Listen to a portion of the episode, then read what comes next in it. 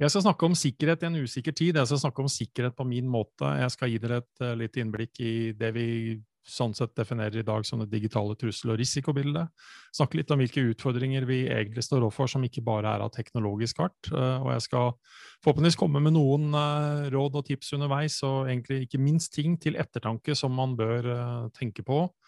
uansett om man er i en virksomhet eller om man er egentlig et enkeltindivid i seg selv. Men jeg skal starte litt med å plassere sikkerhet. for Jeg har en påstand om at sikkerhet faktisk ikke er det viktigste av det vi holder på med, selv om vi som sikkerhetsfolk har en tendens å snakke om det på den måten. Uh, og så sier jeg ikke i, i, det at sikkerhet ikke er viktig, men det er ikke det viktigste. Uh, og det baserer jeg på følgende påstand. Det fins altså ikke en eneste virksomhet som har etablert en hensikt til å være sikker. Tenk over det. Det er altså ingen virksomhetsidé i seg selv. For hvis det er målet ditt med din virksomhet, å være sikker, da har jeg tre råd og anbefalinger å komme med. Én, da har ikke virksomheten din noe navn. To, så har du ikke noe ansatt. Og tre, så driver du ikke med noen ting. Da har du nådd det målet, da er du sikker. Alt annet skaper risiko. Og det er de risikoene der som uh, vi som altså, Sikkerhetstiltakene er der for å redusere mest mulig for oss for å gjøre oss i best mulig stand til å drive med det vi faktisk er der for å drive med. Om det er å forske, produsere, forvalte, selge, hva det måtte være, så skal sikkerhetsarbeidet understøtte dette her. Men vi har en tendens til å se på sikkerhet på en, på en litt annen måte. Tradisjonelt så er det en litt sånn showstopperen, noe som eh, ligger litt på sida av alt annet. Eh, og så går det jo gradvis opp for oss at dette blir viktigere og viktigere. Og ikke minst en viktig ting de senere årene er jo rett og slett å ikke minst plassere ansvaret for sikkerhet helt på toppen, hos ledere. Uh, opp igjennom så har jeg møtt ledere som bl.a. sier at vet du hva, jeg måles ikke på sikkerhet. jeg. Uh, og Sikkerhetsbransjens tradisjonelle respons på sånne uttalelser er jo rett og slett å si at ja, men da må ledere måles på sikkerhet. Men hvordan gjør vi det, og hvordan forstår vi det egentlig? Fordi jeg har heller forsøkt å snu det ved å si følgende at vis meg hva du faktisk måles på som leder, og så skal jeg enkelt og greit kunne forklare hvordan sikkerhet indirekte er med å påvirke hvorvidt du når de målene eller ikke.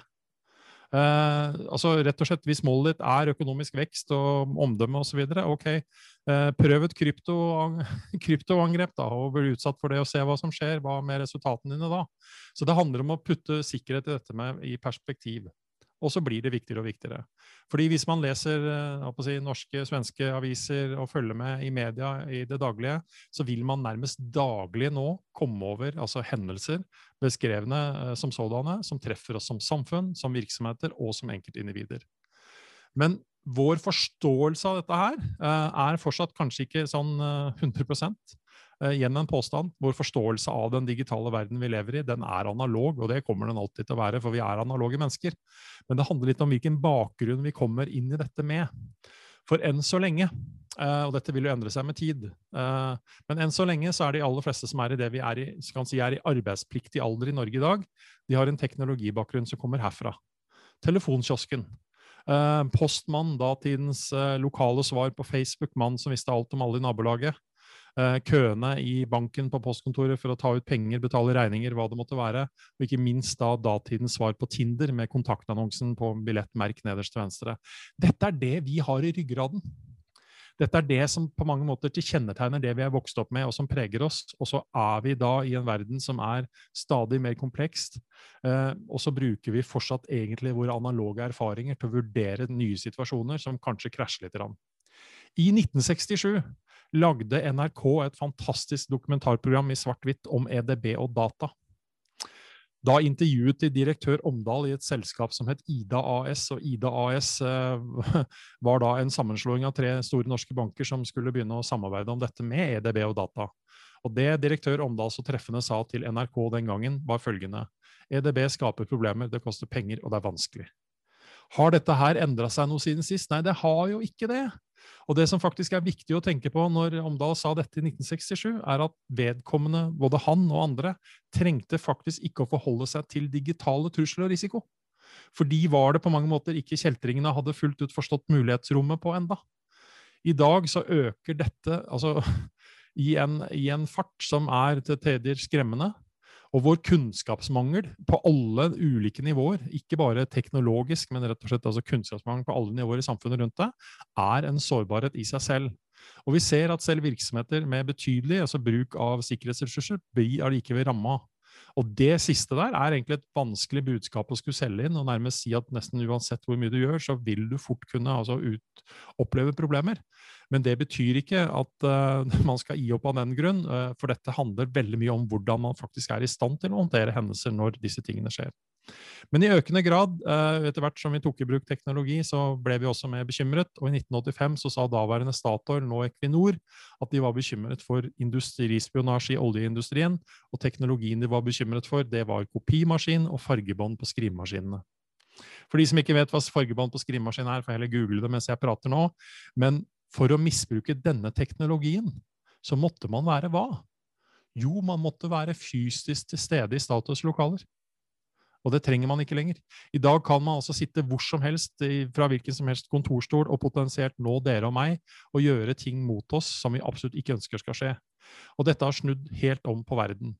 Så det som er viktig for oss egentlig å akseptere, mener jeg, det er rett og slett å forstå at vi alle sammen vi er et digitalt mål uansett om vi vil eller ikke. Fordi vi har en eller annen form for digital tilstedeværelse. Uh, og når jeg da sier det på den måten jeg gjør, så er det også viktig å forstå to uh, vesentlige situasjoner i det, i det, bildet. Fordi det er så lett å si at ja, men herregud, du sier jeg er et digitalt mål, men jeg har da ingenting av verdi. Ingen er da interessert i meg, osv. Og, så videre, og vi driver bare med dette. Og jeg driver, jeg driver med, med betongprodukter i Nord-Trøndelag, så ingen er da interessert i meg. Det er ikke det det handler om. Fordi veldig mye av det som faktisk skjer digitalt i dag, det skjer helt tilfeldig. Fordi det rett og slett viser seg å være mulig. Fordi du helt tilfeldig er én av 1300 andre mottakere på en e-post med en potensielt altså skadevare som åpnes. Og de som har sendt den, vet ikke hvem du er, hvor du holder til, hva du driver med. De bare utnytter det faktum at her har det åpnet seg en mulighet. Og så er det selvsagt et annet bilde av dette her, hvor det plutselig handler om hvem du er hvor ting faktisk er målretta. Hva slags verdier du forvalter. Eh, altså rett og slett hvor interessant du er. Men det er faktisk viktig å akseptere begge perspektivene her. fordi igjen, hvis jeg igjen går i den fella og snakker om at ja, men jeg har ingen betydning, så kunne jeg da vist fram min bærbare PC som jeg normalt ville hatt med meg hvis vi hadde hatt et fysisk frokostmøte nå.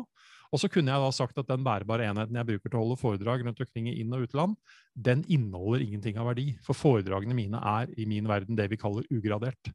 Det kunne like gjerne vært noen fra VG og Dagbladet som hørte på nå. Men da glemmer jeg en viktig ting. At den laptopen den er i forbindelse med min organisasjon gjennom teknologien, og er sånn sett det første uskyldige trappetrinnet til at dersom noen er i stand til å overta og komme seg inn på den, så jobber man seg gradvis oppover til ting som har helt annen type verdi. Og Første gang jeg brukte dette bildet her med, med, med vinglasset og gullfisken, så bomma jeg noe skikkelig, for da hadde jeg foredrag hos Oslo Vann og Avløp, som umiddelbart stilte meg spørsmål om jeg virkelig mente at vin hadde høyere verdi enn vann. Og da må jeg jo erkjenne at i et samfunnssikkerhetsperspektiv så er det ikke til å komme bort fra at vann har høyere verdi. Og så får det være opp den enkelte å gjøre de verdivurderingene selv. Men måten vi snakker om disse tingene på, er noe jeg er gjennomsnittlig opptatt av. For det preger til en viss grad hvordan vi egentlig viser at vi egentlig kanskje ikke forstår det. Eh, når jeg blir eksponert i media, som jeg da innimellom gjør gjennom jobben min, eh, et av de verste spørsmålene jeg får, og som jeg fortsatt får, i ulike kledning, er spørsmålet kort og godt kan dette skje i Drammen også? Og jeg har jo så lyst til å si nei, selvsagt ikke. Fins ingenting av verdi i Drammen. Knapt nok noen, noen som vet at Drammen eksisterer. Hvem bryr seg om hva som skjer i Drammen, da? Og jeg har fått denne her innpakningen. Kan det skje i Harstad, Tromsø, Gjøvik? Eh, altså, og jeg skjønner at lokaljournalisten gjerne skal ha en litt sånn lokal vri på artikkelen sin, men samtidig bakenfor et sånt spørsmål så er det i hvert fall hos meg en sånn gryende tanke om at dette handler ikke om geografi, og det skjønner vi ikke. Eh, nettopp igjen at altså, jeg, Det er et gammelt avisk overskrift som jeg ikke har med meg nå, som er sånn eh, nå, har, eh, nå har Og det, jeg tror ikke de skrev endelig, men nå har datasvindelsaker nådd Førde. Eh, altså Ja, det er mulig, det, men det har sannsynligvis vært der i mange år allerede. Eh, og når dette, disse tingene treffer oss, eh, så, så, har vi en tendens til å bli litt overraska. Og når jeg understreker at det jeg skal vise dere nå, er på ingen måte å henge ut en konkret virksomhet, fordi dette her kunne ha skjedd de aller fleste norske kommuner, men dere har garantert fått med dere den alvorlige altså hendelsen i Østre Toten kommune, som selv sier at de er satt tilbake på 70-tallet, ut ifra hvordan de er i stand til å yte tjenester til sine altså innbyggere. Og når formannskapet sier at uh, når dette angrepet da skjer og blir vellykka, sett med trusselaktørenes øyne, at dette er sjokkerende, surrealistisk og utrolig, eller uvirkelig, så skjønner jeg det. Men samtidig så er måten man, når man sier sånn på, er liksom Ok, men har vi da ikke tenkt at dette kunne skje? Har vi ikke reflektert over det på forhånd? Og da blir det litt sånn at dette blir tydeligvis ikke virkelig for oss før det faktisk blir virkelig. Og men når media da, som følger opp uh, disse sakene, skriver at Oslo kommune kan være et mål for dataangrep, så begynner jeg nesten å gråte. For Oslo kommune kan ikke være et mål for dataangrep. De er et mål for dataangrep, og de blir utsatt for tusenvis av forsøk hver eneste dag på at noen forsøker å gjøre et eller annet mot Oslo kommune, uten nødvendigvis å vite engang at det er Oslo kommune de forsøker seg overfor. Dette er virkeligheten vi er nødt til å forholde oss til. Og vi har etter vår eh, siste eh, rapport, Risiko 2021, som kom ut for det er vel knappe 14 dager siden, eh, sagt at vi står overfor det vi kaller et komplekst og skjerpet digitalt risikobilde. Og det sier vi da i kor sammen med Etterretningstjenesten og PST sin, Politiets sikkerhetstjenestes trusselvurderinger. Og Grunnen til at vi sier det, det er at vi ser hvordan vår på mange måter vilje til å ta i bruk teknologi utnyttes av det vi kaller trusselaktører, kjeltringer, hacker om man vil, vi ser at pandemien har skapt et mulighetsrom som utnyttes så til de grader. Og vi ser en virkemiddelbruk eh, fra enkelte aktører, bl.a. nasjonalstater, som er så sammensatte. Eh, så vi nettopp bruker begrepet sammensatte, begrep, altså sammensatte trusler som begrep, fordi man spiller på utrolig mange forskjellige strenger for å forsøke å gjøre noe mot oss.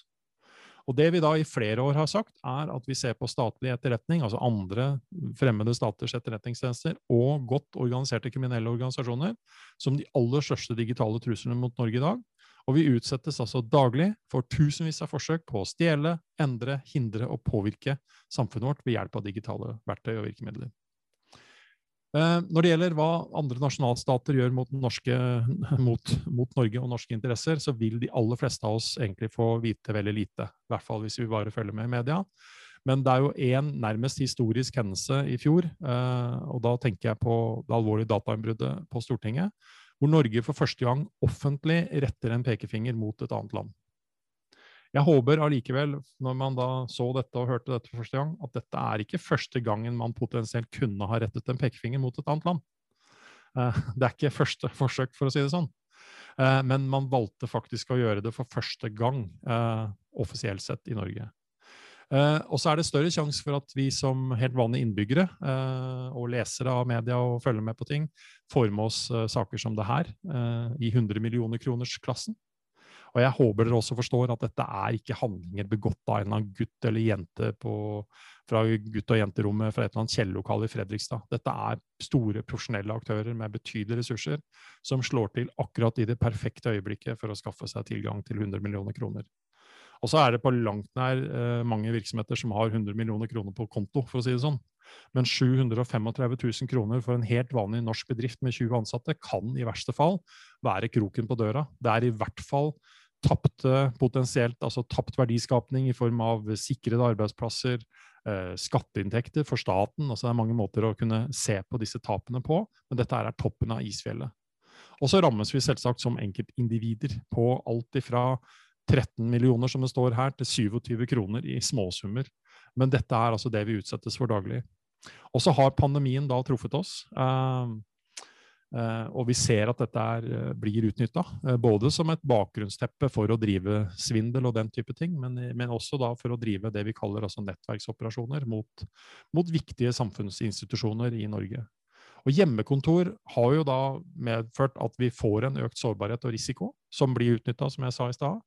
Og vi ser jo at plutselig så sitter man og håndterer betydelige verdier hjemmefra. Verdier som vi sannsynligvis aldri hadde akseptert at vi satt og jobbet hjemme på hjemmekontor med uh, i 2019. Uh, eh, sitter vi nå igjen hjemme.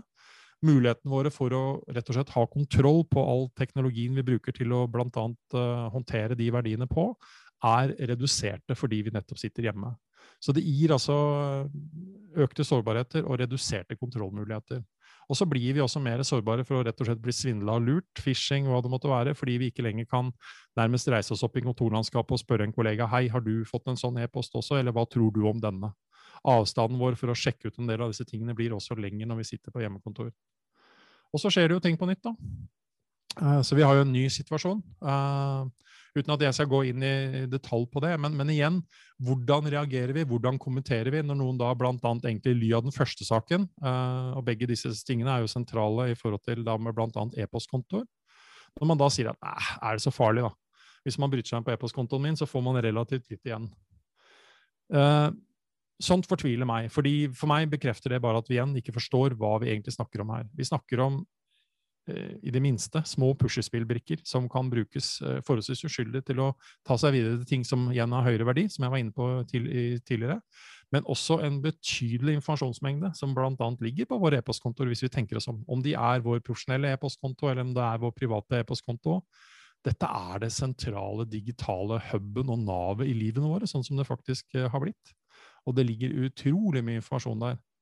Og En av de tingene som vi faktisk nå bekymrer oss litt for når det gjelder bl.a. Eh, valgkamp og den type ting, det er begrepet hack and leak. Rett og slett publisering eller trusler om å publisere informasjon som man har skaffet seg rett og slett gjennom datainnbrudd hvor man setter informasjonen ut i spill, og et politisk parti eller enkeltpolitikere ender opp med å sitte på Dagsnytt 18 og forsvare ting som er mer sånn Se og Hør-lignende ting uh, enn det har med politikk å gjøre. Og man bruker opp alle ressursene sine til å håndtere sånne situasjoner. Men vi ser også trenden innenfor bl.a. Uh, krypto, uh, angrep til at der virksomheter er blitt flinkere til å sikre seg gjennom altså rett og slett gode sikkerhetskopier som da ikke lar seg nå når angriperen lykkes med å slå til, eh, så kan man jo sånn sett ignorere kravet om penger. Men for å øke innsatsen så er det flere som har tatt i bruk den metoden at de faktisk altså kopierer ned dataene før de krypterer dem, og truer da med enten å slippe informasjonen ut i friluft, eller det nye nå i det siste, enda spissere, ringe alle eh, kundene dine eller media for å fortelle om at du er altså, hacket, angrepet, og at man har denne informasjonen. Men det er mange perspektiver å, å, ta med seg her. fordi nå har jeg snakket, Når vi snakker om dette, så snakker vi til syvende og sist om eh, ok, det er litt skummelt at noen får tak i informasjon de ikke får tak i. Men vi må ikke glemme at det finnes tre ting vi i realiteten ønsker oss.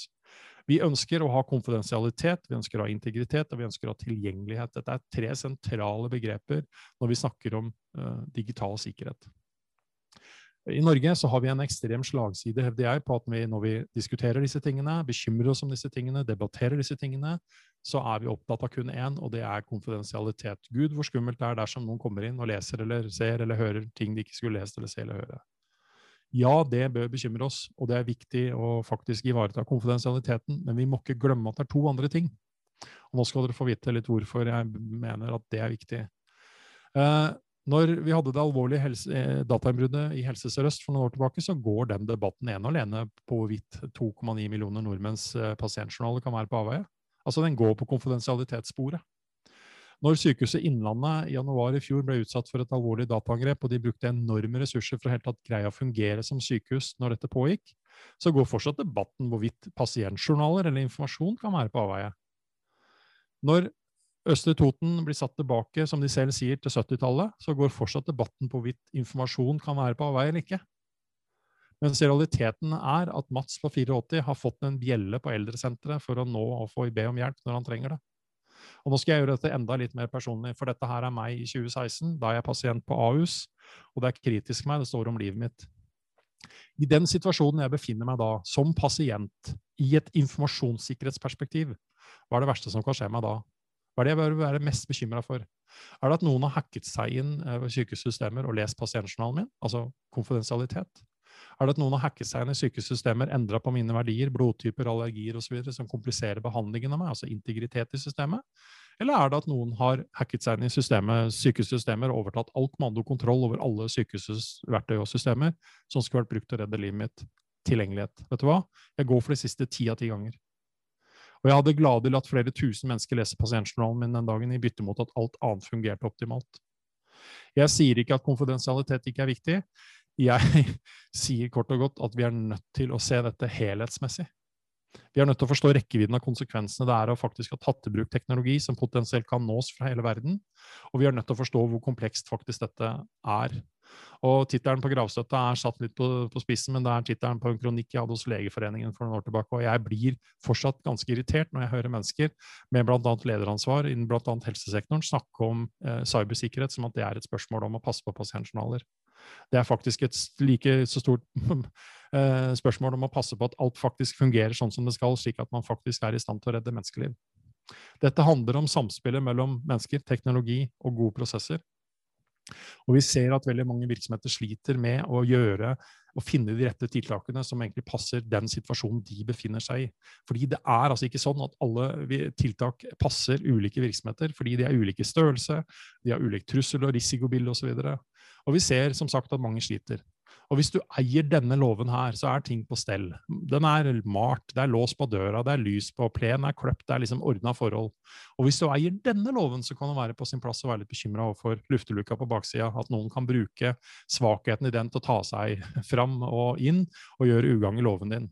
Men det er håpløs bruk av ressurser å fokusere på den lufteluka dersom du eier en låve som ser sånn ut.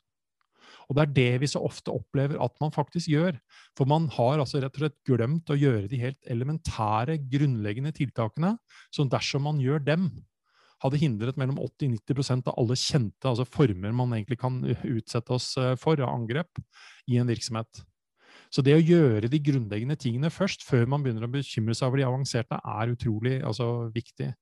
Og vi ser igjen gjennom det vi gjør som Nasjonal sikkerhetsmyndighet, når vi da var ute eh, samme dag som nyheten kom om sårbarheten i Microsoft Exchange, eh, så kommer vi da ut med et varsel. Eh, men vi har jo metoder og, og, andre tiltak som gjør at vi også ser eh, gir et godt situasjonsbilde. da. Og når vi da har vært ute med denne meldinga her, sånn, så ser vi da at vi er nødt til uh, og rett og slett gå ut og si at ok, nå må dere altså faktisk oppdatere. For vi ser at det gjøres ikke. Man mottar informasjonen, men man gjør ingenting. Uh, og uh, jeg har vel ikke noe tall å komme med enda, men uh, altså, selv etter at dette hadde fått betydelig medieoppmerksomhet, så var vi vel fortsatt sånn at det var fortsatt en tredjedel av de som da var potensielt sårbare for dette, som enda ikke hadde oppdatert.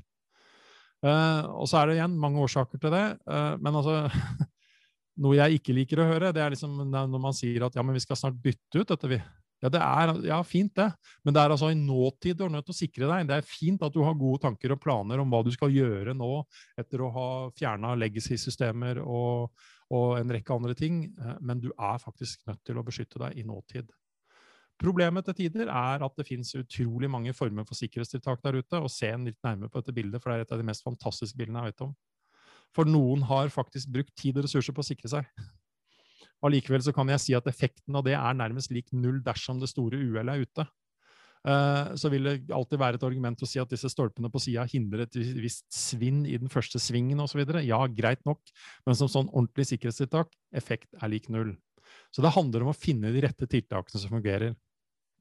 Og så var jeg inne på de grunnleggende tingene som dere så mange ganger garantert har hørt før. Og ikke bare jeg som snakker om det, men så utrolig mange andre mennesker som har snakket om dette her i flere, altså i tiår.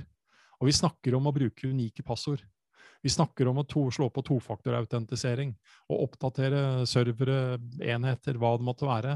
Og så skjønner jeg da selvsagt hvis noen sier liksom, herregud, Roar Thon, du kom fra Nasjonal sikkerhetsmyndighet, og dette har vi hørt dere mast om i så lenge. Har dere liksom ikke noe mer fancy å komme med? Jo, vi har det.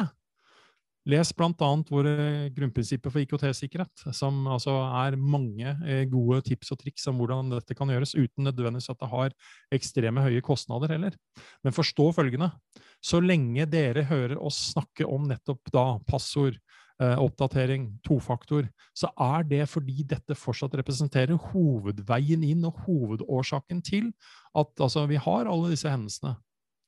Og det er det vi må fikse. Så den triste er til tider at vi har liksom vi, vi, vet om medisinen, men vi greier allikevel ikke helt å ta den, verken som samfunn, som virksomheter eller som enkeltindivider. Um, så jeg, skal ikke komme med noe mer som, uh, grunnleggende eller som mer sånn, uh, dypere råd enn som så, men, men sjekk gjerne ut grunnprinsippene våre. Og vi vet at veldig mange virksomheter bygger mye av sine råd og veiledningstjenester på nettopp grunnprinsippene, pluss selvsagt en del andre standarder osv. Men som virksomhet i sin egen virksomhet skal forståelse internt i virksomheten om hva man faktisk må beskyttes, og hvorfor man må beskytte det. Uh, ser altfor mye av at man uh, bl.a. ikke er flink til å synliggjøre hendelser som virksomheter blir utsatt for. Men ikke minst også forklare ansatte hva man faktisk forventer at de skal gjøre. Hvorfor det faktisk er viktig at de også er våkne og, og kan bidra. Og så må vi ærlig talt si at vi kan altså ikke legge ansvaret over på ansatte og brukere. Uh, på at alt skal stå og falle på hvorvidt de valgte å klikke på et vedlegg eller ikke. Uh, vi trenger bevisstheten deres, men man er nødt til å ha sikkerhetstiltak i forkant, før brukeren mottar bl.a. e-poster med vedlegg, linker osv. Og, så og man er nødt til å ha tiltak i bak brukeren for å redusere konsekvensene når man eventuelt da starter en eller annen prosess som vi gjerne skulle vært foruten. Uh, belønn positiv atferd. Altså, trekk fram de gode eksemplene i virksomheten på at Ola og Kari ble ikke lurt denne gangen heller. Altså er sikkerhetsarbeidet noe som er en kontinuerlig prosess. En annen viktig ting som jeg syns virksomheter skal eh, være flinke til å stille seg spørsmål om, eh, alle ledere egentlig, uansett hva de driver med, eh, og det er rett og slett er man forberedt når krisen inntreffer. For satt på spissen, dette er et tidsspørsmål før man får en hendelse av en eller annen betydning i en helt vanlig virksomhet i dag. Og hva har man gjort på forhånd? Da er det de fire tingene her eh, øverst som er viktige forebyggende tiltak. Rett og slett at ledelsen tar ledelse rett og slett, og styrer sikkerhetstiltak. Eh, og, og tar dette inn som en del av sin strategi. At man har oversikt over hvilke systemer man har, hvilke verdier man faktisk da forvalter. Ikke bare på, på, i forhold til seg selv, men hvor avhengig man er av underleverandører og andre. At man har tiltak som går innenfor både teknologi, prosesser og menneskelige, uh, menneskelige delen. Og at man ikke minst sørger for at man faktisk har nok kunnskap i egen virksomhet til å gjøre noen av disse elementære tingene. Og så er det da å sette seg selv i stand til å forhindre, for det er jo det vi egentlig aller mest ønsker, at ting ikke skal skje. Men ikke minst detektere disse tingene når de skjer. Og være i stand til å respondere på raskest og best mulig måte. Og ikke minst komme tilbake i en normaltilstand, altså det vi kaller normal drift. Um, og da er jeg tilbake igjen til dette tilgjengelighetsperspektivet. Én ting er å sitte og snakke om at ja, men er det så farlig om uh, vi mister kundelista vår, f.eks. Ok, jeg kan godt være med på den diskusjonen. Hvor verdifull er den kundelista? Men prøv å komme ut for en hendelse hvor ingenting av det du faktisk leverer i daglig, at du er i stand til å levere det, og begynne å regne på konsekvensen av det. Det er et litt annet regnestykke. Noe av det viktigste norske virksomheter skal stille seg spørsmål om i dag, er hva skal de være i stand til å gjøre sjøl, og hvem andre kan hjelpe dem. Både med, både med, å forebygge, med å detektere og håndtere når ting skjer. Så man er nødt til å ha fokus på detaljene, men man må ikke glemme helhetsperspektivet av det man holder på med. Så her må man gjøre egentlig to ting samtidig. Eh, jeg selger ingenting, bortsett fra tanken om bedre sikkerhet, men jeg kan allikevel ikke gjøre noe annet enn å reklamere for noen av våre produkter, eh, hvor jeg allerede har nevnt noen av det. Dette er altså offentlig, eh, gratis tilgjengelig informasjon som, som ligger på bl.a. våre hjemmesider, for de som måtte ønske å sette seg mer, nærmere inn i en del av denne problematikken som jeg har vært inne på nå. Så med det så sier jeg takk for oppmerksomheten, og så setter jeg over til deg, Fred. Oh, thank you.